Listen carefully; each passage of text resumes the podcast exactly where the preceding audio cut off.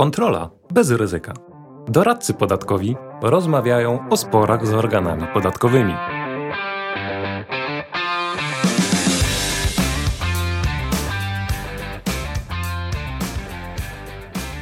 Dzień dobry Państwu. Wojciech Kliś, doradca podatkowy. Andrzej Radwanwiński, doradca podatkowy, wykładowca. Ludwik XIV mówił: Państwo to ja.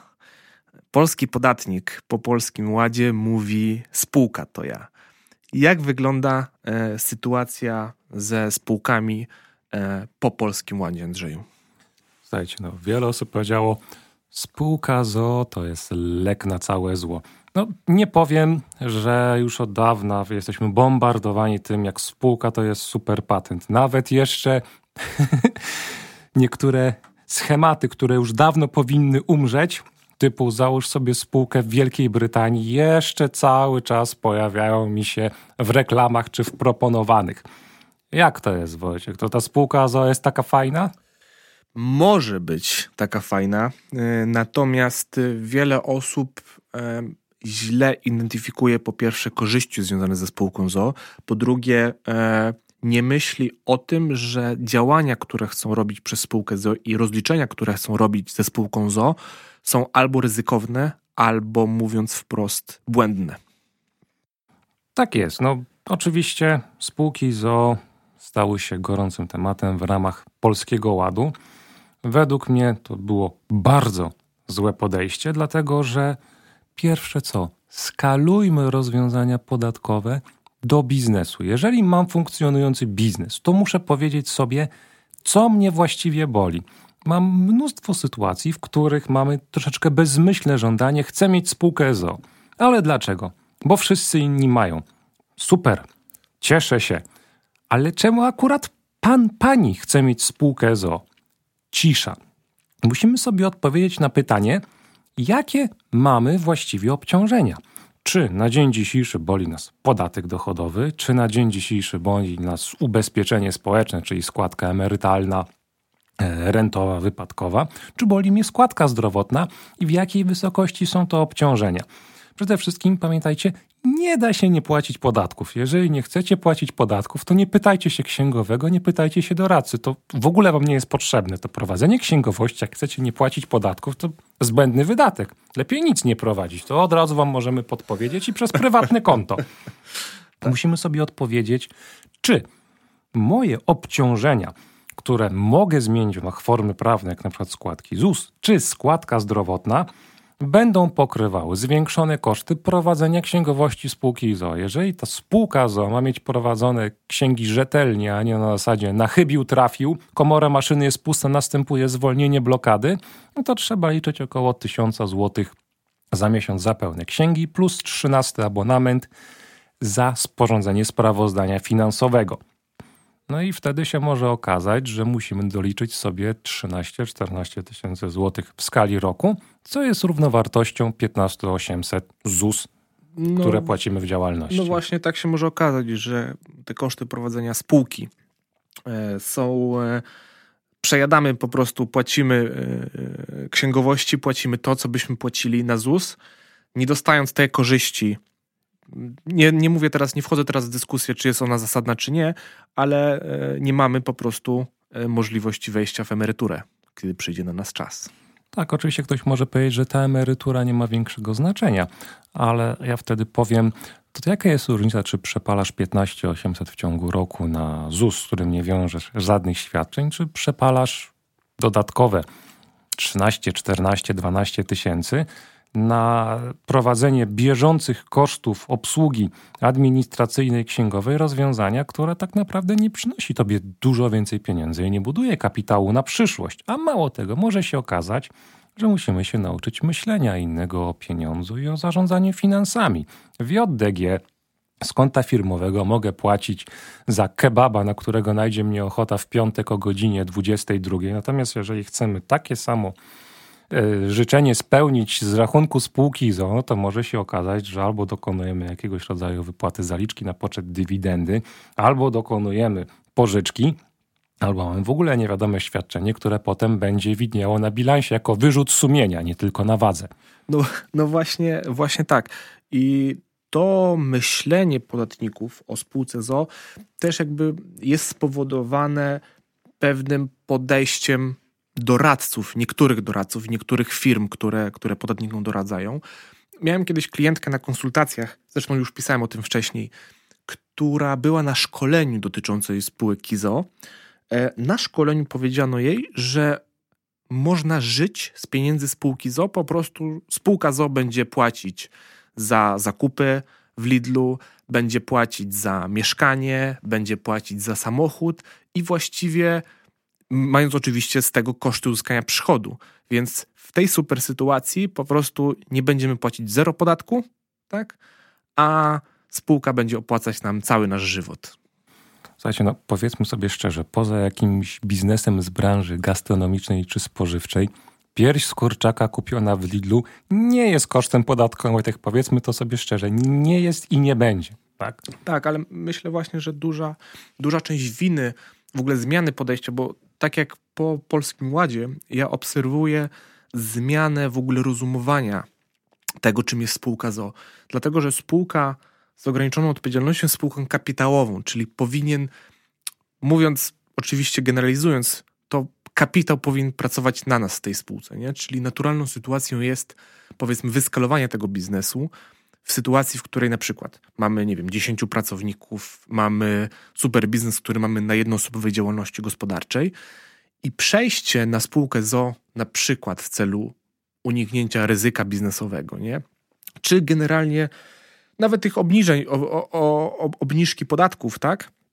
Jest powiedzmy zdarzeniem naturalnym, nie? Natomiast w sytuacji, w której mam bardzo dużo konsultacji, w której mamy programistów, mamy innych freelancerów, którzy po prostu wkładają spółkę ZO i traktują ją jako dodatkowe konto bankowe, przez które muszą przejść pieniądze za ich pracę.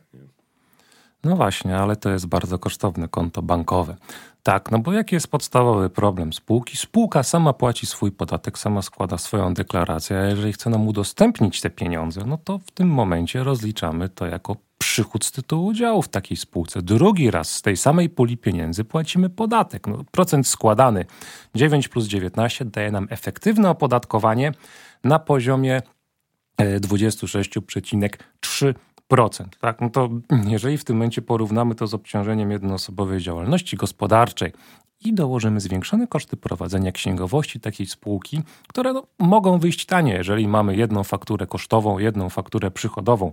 To może nie będzie ten 1000 zł w skali miesiąca, ale i tak wyjdzie zawsze więcej, to okazuje się, że jesteśmy w tym samym miejscu, gdzie byliśmy.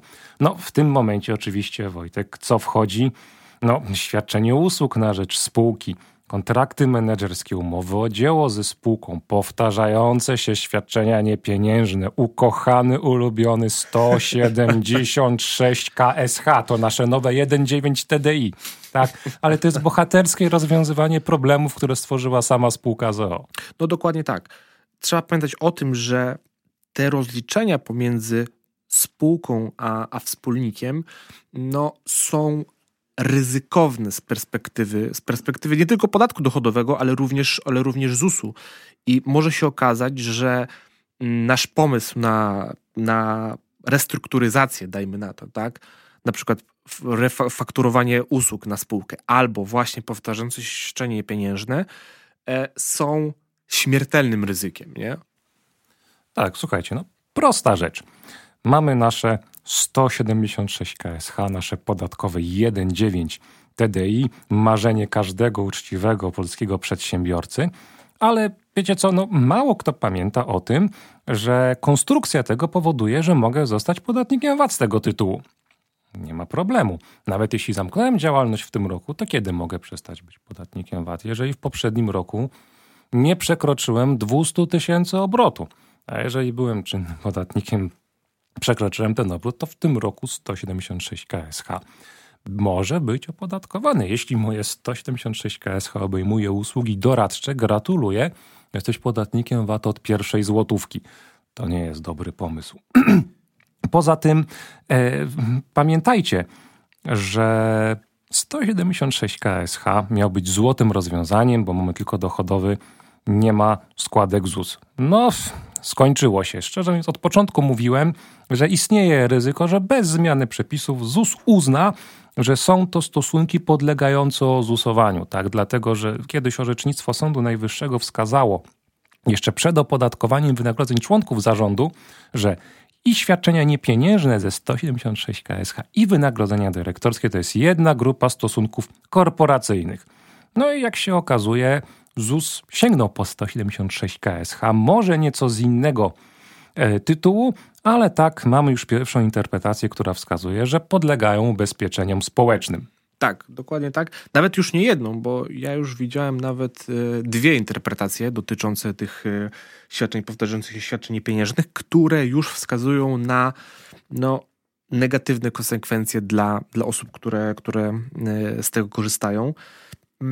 Uzasadnienie, zapoznałem się z uzasadnieniem organu i jest ono powiedzmy mało przejrzyste, jest dość enigmatyczne, bo tak naprawdę e, wskazuje tylko na to, że usługi, które są wykonywane w ramach 176 KSH e, przypominają e, umowę o świadczenie usług, a nie ten stosunek korporacyjny. I dlatego właśnie powinny być, powinny być ozusowane na ile, na ile mamy szansę wygraną w sądzie, nie chcę, nie chcę prorokować.